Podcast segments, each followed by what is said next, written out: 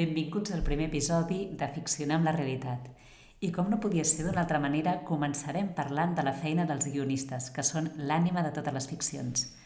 Pels que no sabeu de què va aquest podcast, us situem. Aquest és un podcast en el que analitzarem les sèries basades en fets reals.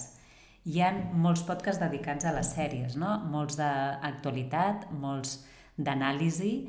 Nosaltres eh, explorarem la frontera entre la realitat i la ficció totes aquelles sèries que ens parlen de, de fets reals, personatges reals, esdeveniments històrics. Volem arribar a comprendre quan hi ha de cert, quan hi ha de ficcionat, per posar en vàlua la tasca dels guionistes, que el que fan eh, és a través de mecanismes narratius eh, fer-nos les ficcions molt més interessants i, per altra banda, aprofitar les sèries que tenen aquest component històric o de fet real per conèixer molt més aquelles cultures, aquells aconteixements històrics d'altres etapes, d'altres èpoques.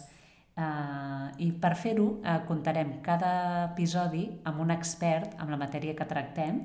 Per exemple, si parlem de Txernòbil, doncs una persona experta en aquell moment històric que ho va cobrir. Si parlem de Burning Bash, eh, parlarem amb el corresponsal que estava en aquell moment i que va ser el que va retransmetre tota la revolució del vellut. I si parlem de Miss Amèrica, doncs la revolució feminista com va ser des dels orígens. No? Per tant, eh, el que volem és que aprengueu cada cop més quin és el procés creatiu dels guionistes i els mecanismes narratius que utilitzen per faccionar la realitat i, per altra, recrearem o triarem alguns dels fets que apareixen en pantalla per posar-los en el seu context, de manera que cada sèrie analitzada ens endinsi en un moment històric que ens doni llum per comprendre el nostre. Avui comencem amb el primer podcast, eh, com excepció, perquè els altres els dedicarem exclusivament a una sèrie tractada en profunditat, eh, però avui volíem parlar de la feina dels guionistes. Eh, aquells que, que apareixen les sèries, que les imaginen, que les creen, per parlar d'aquest univers creatiu i per fer-ho comptarem avui amb la Núria Parera. La Núria fa 20 anys que es dedica a l'escriptura de guions, eh, majoritàriament amb sèries diàries o de nit, i és alhora escriptora infantil i juvenil. Moltes gràcies per estar amb nosaltres avui, Núria. Gràcies a vosaltres. Ens agrada comptar amb els guionistes perquè és un ofici poc reconegut, no? O sigui que moltes persones quan, quan veiem sèries o, o pel·lícules ens imaginem poc, no? Eh, o, o tenim molt present a, a les persones que han dirigit, a, a l'equip artístic, eh, però potser ens fem poc càrrec no? de, del pes que ha tingut l'equip de guionistes eh, doncs en aquells projectes, no? Uh -huh. uh... Sí, és, és veritat que el, el guionista ara comença a reconèixer a poc a poc, però ens costa ser, ser reconeguts i és una llàstima perquè realment l'origen de qualsevol projecte creatiu, sigui un documental, una pel·lícula, una sèrie, és realment el guionista. O sigui, sense el guionista, després tot l'altre no, no sortiria. I, i a vegades és, està poc valorat perquè bueno, també és una feina molt solitària, molt de, que està el guionista ell sol, no? o sol o amb equip, però vull dir, tancat en un despatx treballant, que a vegades anem als platós i estem en contacte amb els actors, però a vegades no i, i no ens conviden a les gales, que això sempre ens queixem, no? que quan ha guanyat el, el Gaudí a la millor pel·lícula o no sé què, i a vegades el guionista no està ni convidat per no pujar a l'escenari, sinó ni a seure a les butaques. I o dius, entrar per la porta del darrere. O entrar per la porta Goya, del no? darrere en els Goya o coses d'aquestes, i no deixa de ser xocant perquè és el creador realment d'aquesta història. Després és veritat que el, el director doncs, posa el seu punt de vista i posa una altra capa de lectura, els actors fan la seva feina, l'equip d'art, no? evidentment tothom aporta. Però el guionista és, és la, la idea primigènia, d'on la llavor d'on ha sortit tot i s'hauria de valorar molt més. Les sèries han ajudat, no? Potser aquesta reivindicació, aquest ser conscient sí. d'aquest paper. El que ha ajudat molt és que ja, ja de fa uns anys als Estats Units, i aquí ara es comença, que el, el guionista va ser valorat i es va convertir en guionista-director també, i llavors, o, això, o la figura aquesta del showrunner, no? que és la persona que realment ho controla tot el procés, i llavors es va veure que les sèries que el guionista era el que tenia l'última paraula en tot, triomfaven, perquè estaven super ben parides, super ben fetes. Perquè, clar, la persona que, que havia concebut aquell producte era qui el portava a terme i sabia perfectament què volia. Que quan això no passa, mm, a vegades el projecte creix, però a vegades també es, desvi es desvirtua moltes vegades, depèn quantes mans s'hi posin, no? Ens hem trobat els guionistes que t'encarreguen fes un, una pel·lícula dramàtica, la portes, no, ara ens interessa més una comèdia, no, ara una sèrie en comptes d'una pel·li, no? i et maregen tant que al final ja no saps què estàs escrivint, no? I la figura aquesta de showrunner va ajudar molt als Estats Units, totes aquestes sèries, començant per a Dos metros bajo tierra, Mujeres desesperades, totes aquestes, van obrir un nou camí i, i sí, ara el, la figura del guionista està molt més reconeguda gràcies a, a les sèries. L'autoria és molt més clara, sí, no? Sí, sí.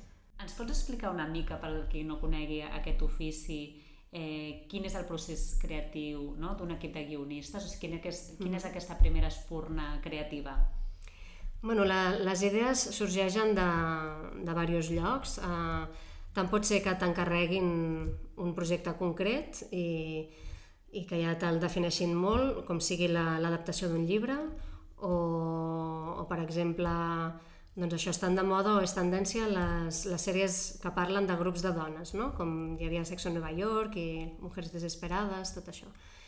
Doncs a nosaltres, per exemple, ens van encarregar no? de Diagonal una sèrie de dones. Bueno, doncs vam fer infidels. I llavors ja saps una mica què volen, una mica el to, una mica l'estil, però després tu has d'inventar cada una d'aquestes històries. I, I veus molt de la realitat, evidentment. De la realitat, de la teva realitat, del que t'ha passat a tu, del que li ha passat a gent que coneixes, de les notícies, eh, sí, els fets que han sortit a les notícies eh, que ens han colpit a tots. Ara amb la pandèmia, per exemple, segur que sortiran 30.000 projectes que parlen de... Sí, sí, de fet les plataformes sí, dit, sí. no volem rebre Exacte. cap projecte més, no? D'algú que ha dit, de coses una idea de, brillant durant el confinament. De coses no? prepandèmiques, postpandèmiques, bueno.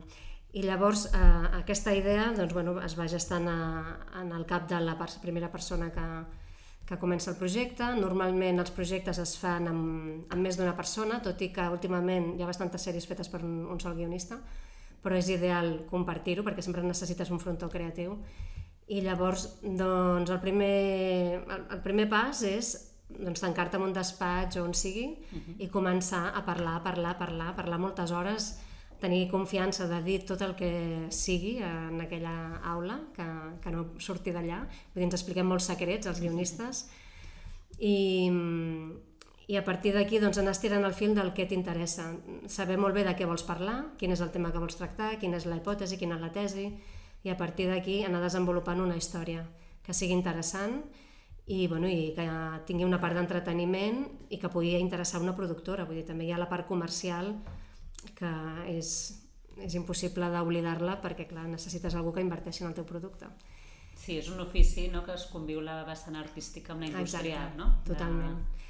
I llavors en aquestes reunions mmm, doncs de les writer rooms aquestes que sorgeixen totes les idees, que veus de, de totes les fonts, doncs es, es va generant el que és la, la Bíblia, que en diem, que és el, el document base d'argument de tot el que passarà durant tota la primera temporada d'aquella sèrie i llavors normalment doncs, amb una pissarra, amb una paret en blanc o on sigui, es van enganxant uns, uns pòstits, post els famosos pòstits, en què amb titulars vas posant tots els passos dramàtics, totes les escenes que tu veus possible de cada un dels capítols i després allò es, es redacta de manera com a document de treball. No és una redacció literària ni, ni, de, ni dialogada, és com, bueno, com, com un informe, no? com una cosa més periodística. I, i d'aquest argument després se'n fan unes escaletes que és ja exactament l'esquema de cada seqüència que passarà cada un dels capítols. I allà s'explica exactament tot quins actors intervindran a cada seqüència, què els hi passarà, si es rodarà de dia o de nit, a quin espai, tot, tot, tot, tot les coses tècniques i dramàtiques. I d'aquesta escaleta després se'n fa el diàleg, que és ja directament el que diran els actors. I un cop tens la primera versió, ja has, has parit la criatura, diguéssim, mm -hmm. i és el més difícil, però després es fan moltes versions fins que realment estàs satisfet de, del resultat molt difícil dialogar, no? És una de les coses més complexes, no? Quan hi ha bons diàlegs és mm -hmm. perquè no te n'adones de la feina que hi ha al darrere, no? Sí, sí, sí tot, tot, realment tot és difícil, eh? Vull dir, escalatar eh, és també molt difícil perquè és el primer muntatge de la pel·lícula, o sigui, el primer muntador d'una pel·lícula és l'escalatista, no? perquè és realment el que visualitza exactament com serà aquella pel·lícula o aquella sèrie. Després és veritat que dialogar has de tenir doncs, aire, no? de saber captar com parla cada un dels personatges, de saber fer les frases no encarcarades, de d'imaginar-te com les dirà. De fet, nosaltres, quan dialoguem, moltes vegades l'ideal és llegir-te en veu alta a casa i veure com sona. Per això també, eh, a vegades, en algunes sèries es fa una reunió també a la Writer Room, eh, però es convida llavors el, el productor, el, el director i, Faig i, bueno, un incís en aquest podcast. Sí. Sempre que parlem de directors, productors i guionistes estem parlant de director-directora, no? Sí. Guionista, guionista, vale. actors, actrius, no? Que estem com molt habituats de fa anys sí. i la Núria és eh, molt eh, sí, feminista, sí. o sigui que, que no quedi cap dubte de Perfecte, que... ho fem, ho fem. Directores, sí, sí. A més n'hi ha moltes i molt per bones. Això. Sí, sí. I productores. I productores. I... Sí, que es convida a l'hora de la sí, lectura. Sí, exacte. No? I llavors, en aquesta lectura, es fa una lectura en veu alta de, de cada una de les escenes i, i es mira a veure com sona i es va corregint sobre la marxa. No? O sigui, el, el productor o productora pot dir no, mira, aquí heu posat eh, no sé, massa, massa públic o massa no sé què, massa personatges, intentem retallar o això de nit no es pot fer, intentem canviar-ho de dia, o sigui, ja posen una sèrie de els primers condicionants. El director també pot dir, ostres, per què això no ho fem, que primer parli l'altre i després aquest no es veu i se sent en off i després entra en pantalla. O sigui, cada un dona una mica la seva visió i, i això, i es fa el diàleg en veu alta per veure com sona. I es va fent tot un, una neteja una mica, no? una primera eh, criba. Uh, parlàvem de que, ara que parlem de la ficció i la realitat, que realment ara mateix la realitat és una gran font d'inspiració, no? i de que la majoria de sèries, o moltes de les sèries, quan veiem sèries premiades, eh, moltes vegades adaptació d'un llibre, adaptació d'una mm. novel·la, adaptació d'un còmic, eh, ho veus no? com, com una, sí. una tendència ara mm. mateix. Mm. Ara es demana molt, suposo, perquè es busca l'autenticitat de del producte, per això que dèiem que hi ha tanta plataforma i tanta sèrie feta en fórmula que també es busca l'autenticitat i llavors tot el que sigui basat en una història pròpia eh, d'entrada als productors productores els agrada perquè saben que ho explicaràs més des de dins, no? Mm -hmm. més, més de manera autèntica.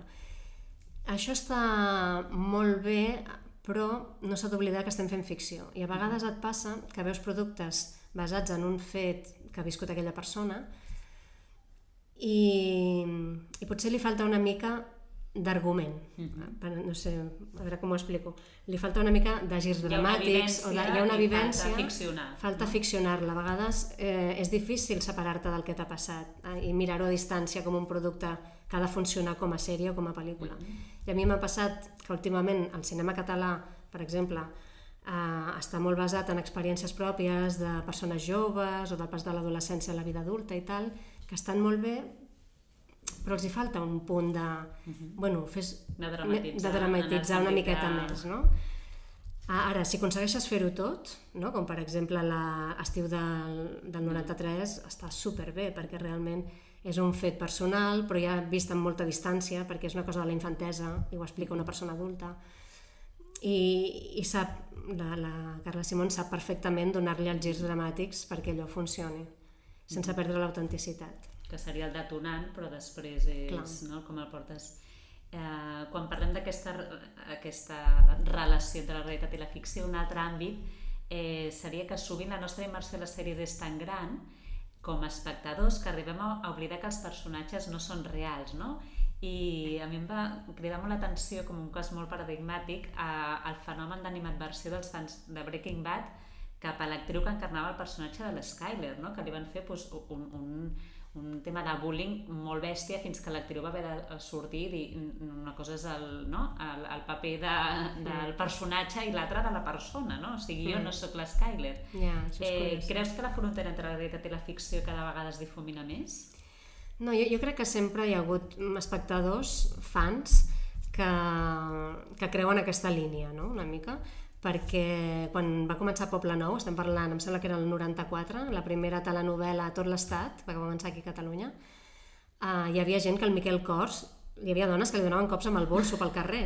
Sigui, això ho explica sempre el Joan Bas, no? que, que era agredit per dones, que per què li fas això a la dona, no sé què.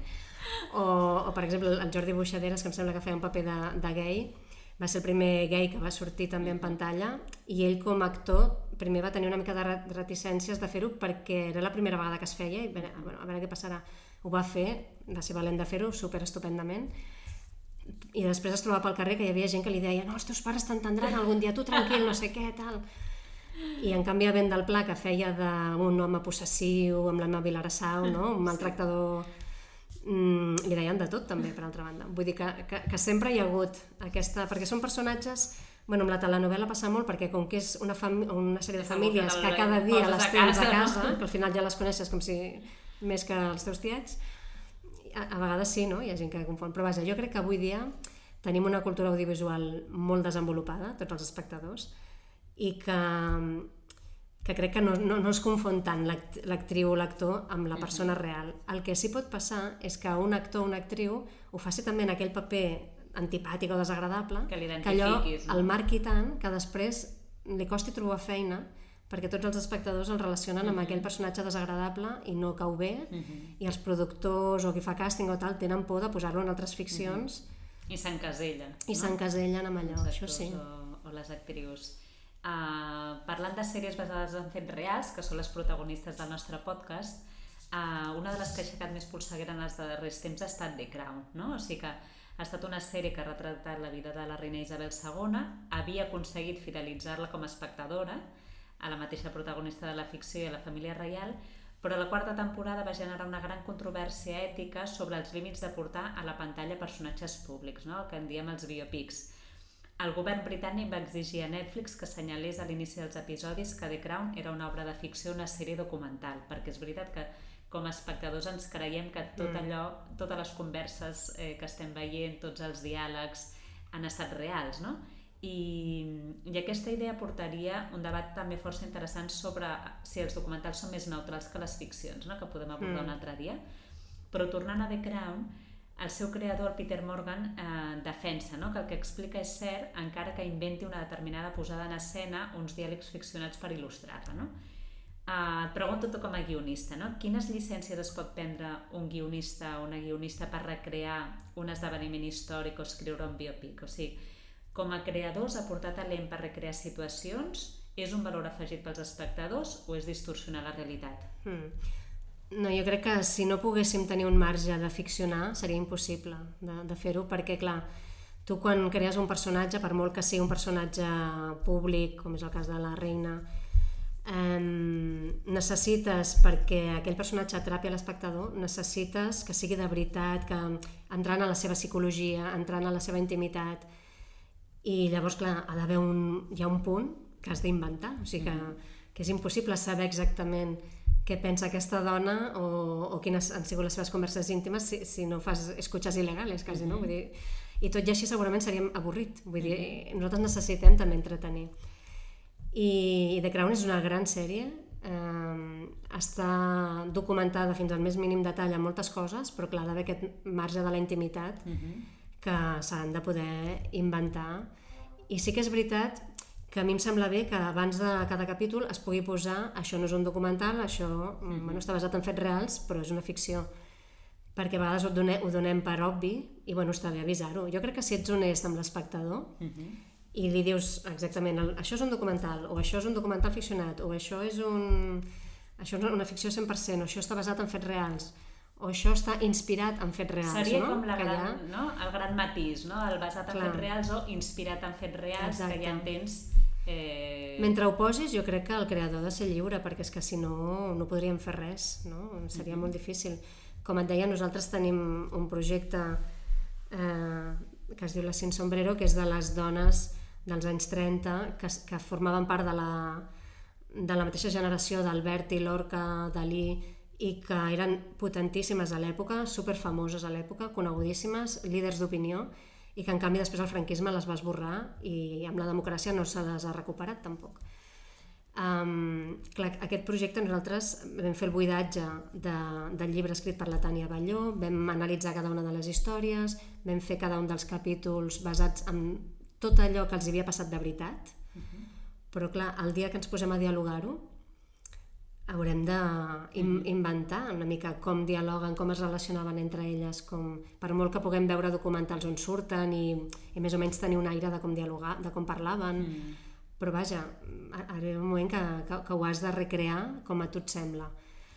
I, i això jo crec que és, és, és aportar, és la pregunta que em feies, no? si és aportar mm. o manipular, jo crec que és, és aportar sempre i quan l'espectador sigui conscient que evidentment allò està ensenyat per uns actors que no són aquell personatge real i mm -hmm. escrit per uns guionistes que no hi eren sí, el dia que, que va haver aquella conversa. eines té l'espectador, no?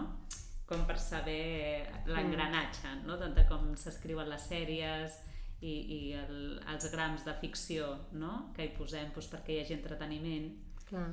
Jo crec que els fets són reals, o sigui, tu intentes que, que tot el que expliques a The Crown, per exemple, cada capítol va d'un fet, no? El, quan la mina aquella cau i moren tan, mm. tants nens, o el dia de la boira, o el dia no sé què, o sigui, són... t'agafes a fets reals que van passar de veritat, però després tu li has de donar una estructura i, i que el personatge evolucioni d'alguna manera. O sigui, els dubtes entre la corona o la vida personal, que això segur que hi era, mm -hmm. bueno, tu li has de donar forma i per tant Sí, sí, això va passar quan va morir el duc d'Edimburg, que tothom li semblava que el coneixia de tota la clar, vida, clar. no? de dir, bueno, estat a les seves converses, he sabut sí, les sí. seves crisis... I realment van ser valents de fer-ho d'una persona que està viva, clar. perquè clar, et pot, et pot mm, dir, escolta, no, no ho estàs fent bé, no? Però bueno, el Peter Morgan suposo que ja va assumir que ell podria rebre crítiques de, de la corona a l'hora de fer-ho. I tu creus que, que s'hagués imaginat que el govern d'Anglaterra no? entraria a exigir a Netflix aquest aclariment? Sí, pot, pot passar. A veure, nosaltres de manera més petita, diguéssim, Uh, va haver una vegada a la, a la Riera, em sembla que va ser, que es va gravar una escena en un carrer i de fons es veia una pintada independentista, que ningú s'hi va fixar. Doncs allò eh, un partit polític ho va portar al Congrés, eh, bueno, al Parlament. Mm. Vull dir que a vegades quan toques segons quines eh, tecles, quines coses sensibles, no? quins materials sensibles, de sobte aquella ficció, oh, què ha passat aquí? Per què s'ha posat això? Per què no sé què? Eh, es van pensar que havia sigut un, com un missatge subliminal colat expressament, quan no s'hi havia fixat ningú, no? ni, ni el que havia escollit el lloc, ni els actors, ni perquè era una pintada que estava allà lluny. Mig... devia ser el, primer, no? Vull dir que imagina't, si amb una coseta tan petita um, va haver conseqüències, imagina't si ara ens posem a escriure la història del príncep um, Felip, bueno, el rei Felip i la Letícia i tal, Sí, sabem que és veritat que la història és una cosa, no? que, que si mirem la història de fa 30, 40, 50 anys, o sigui, tampoc no? arribaríem a saber la, la, Exacte. la versió equànim, no? perquè tots tenim una mica... Sí, sí, els llibres de text estan plens matís, no? d'històries ficcionades, mm. perquè, com sabíem, els prehistòrics, a l'edat mitja, tal, hi ha moltes coses que l'historiador es basa en uns fets que ha investigat, però després hi ha una part d'hipòtesi possible. I d'on tu poses l'accent. Clar. L'altre dia llegia un estudi sobre, sobre les sèries basades en els, en els true crimes, no?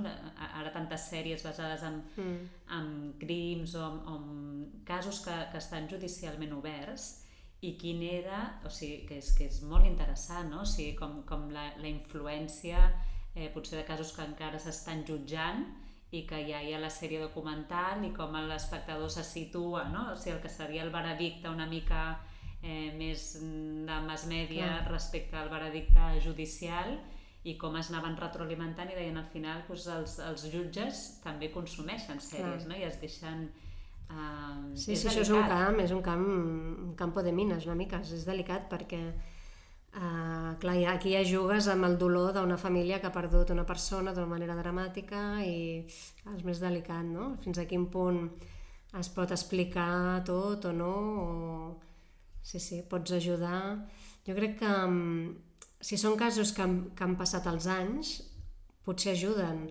El, per exemple, el cas aquest del Balandrau, de com van morir uh -huh. eh, sí, sí. 11 o 12 persones al Pirineu, que es va fer el documental ara fa poc, um, realment els propis protagonistes deien que els havia ajudat a fer... O sigui, l'únic supervivent que va haver i els fills dels que van morir explicaven no, en el mateix documental que els havia ajudat fer aquest documental per fer com una catarsi personal de, de per què i com van morir els seus pares en, en un dia que havia de ser una excursió simple, que feia sol i que no havia de passar res. Vull dir que, que com tot, hi ha documentals que estan ben fets, estan fets amb respecte, amb cura i, i fidels i, bueno, i que tenen en compte el dolor dels protagonistes i n'hi ha d'altres que van a, a fer premsa groga i, bueno, i aquí, sí, aquí i també potser de... és diferent el tema dels fenòmens naturals, no? Mm. De, de temes de crims yeah. o de crims no resolts, no? Ah. Eh, de gent... O sigui, ara mateix estan estrenant, no? Sèries eh, a Espanya sobre, sí, sí. sobre crims de, de fa uns anys que tots recordem, no? Eh, creus que és una tendència ara cada vegada més? Bueno, jo crec que, que sí que hi ha una tendència molt al thriller, en general, per les plataformes, pel que sigui, se'n consumeix molt, potser perquè és un consum ràpid, que t'enganxa. Ara hi ha tanta competència de plataformes, de tot arreu, de, de continguts, que necessiten que t'enganxi ràpid. I el thriller, com que les primeres seqüències ja t'enganxa, després potser et decep al final, però al principi mm, t'enganxa, no? I han trobat aquí una fórmula, que el, el true crime i tot això doncs és, és, és una fórmula que, bueno, que té aquest punt de, de morbo, de, de què va passar, de qui va ser el dolent, i a més a més es pot fer de manera molt local, vull dir, ara es fa ja de crims d'aquí a Catalunya, vull dir que sempre estàvem acostumats al, al CSI, a no sé què, tot passava a Las Vegas i cap problema, no? Però clar, no, ara ja és aquí, llavors això, sí, ha, han trobat un filó una mica, i, i bueno, com et dic, a mi em sembla bé parlar de tot i que tots els filons s'han d'explotar, però sempre amb respecte i una mica respecte per l'espectador, respecte per les persones de qui estàs parlant i respecte per tu mateix com a creador. Mm -hmm. Sí, perquè deien que en algun d'aquests casos la família també havia volgut participar, no? O sigui, la diferència mm. entre qui ja ha tingut prou dolor i no, no vol sentir-ne parlar, de, del qui deies, no? Que, que era una catarsi Clar. o una mica tancar, tancar un cicle. Sí, sí. És com a The Crown, suposo que d'una banda els ha molestat coses, però de l'altra segur que els ha ajudat a ser més populars i més coneguts a tot el món, també. I tant. A la família reial. I tant, i tant. Estem expectants a les properes no? temporades I que tant. aniran farcides de a veure si apareix la Megan o no apareix mm. la Megan, no? Clar.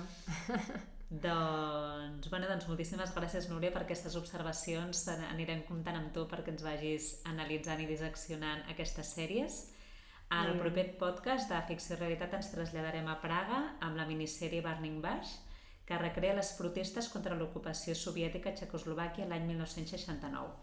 Per parlar-ne comptarem amb el periodista i director documentals Carles Bosch, que va viure en primera persona la revolució del Vellut i va ser l'únic periodista estranger que va gravar imatges dels últims dies del totalitarisme a Txecoslovàquia. Tu perdràs?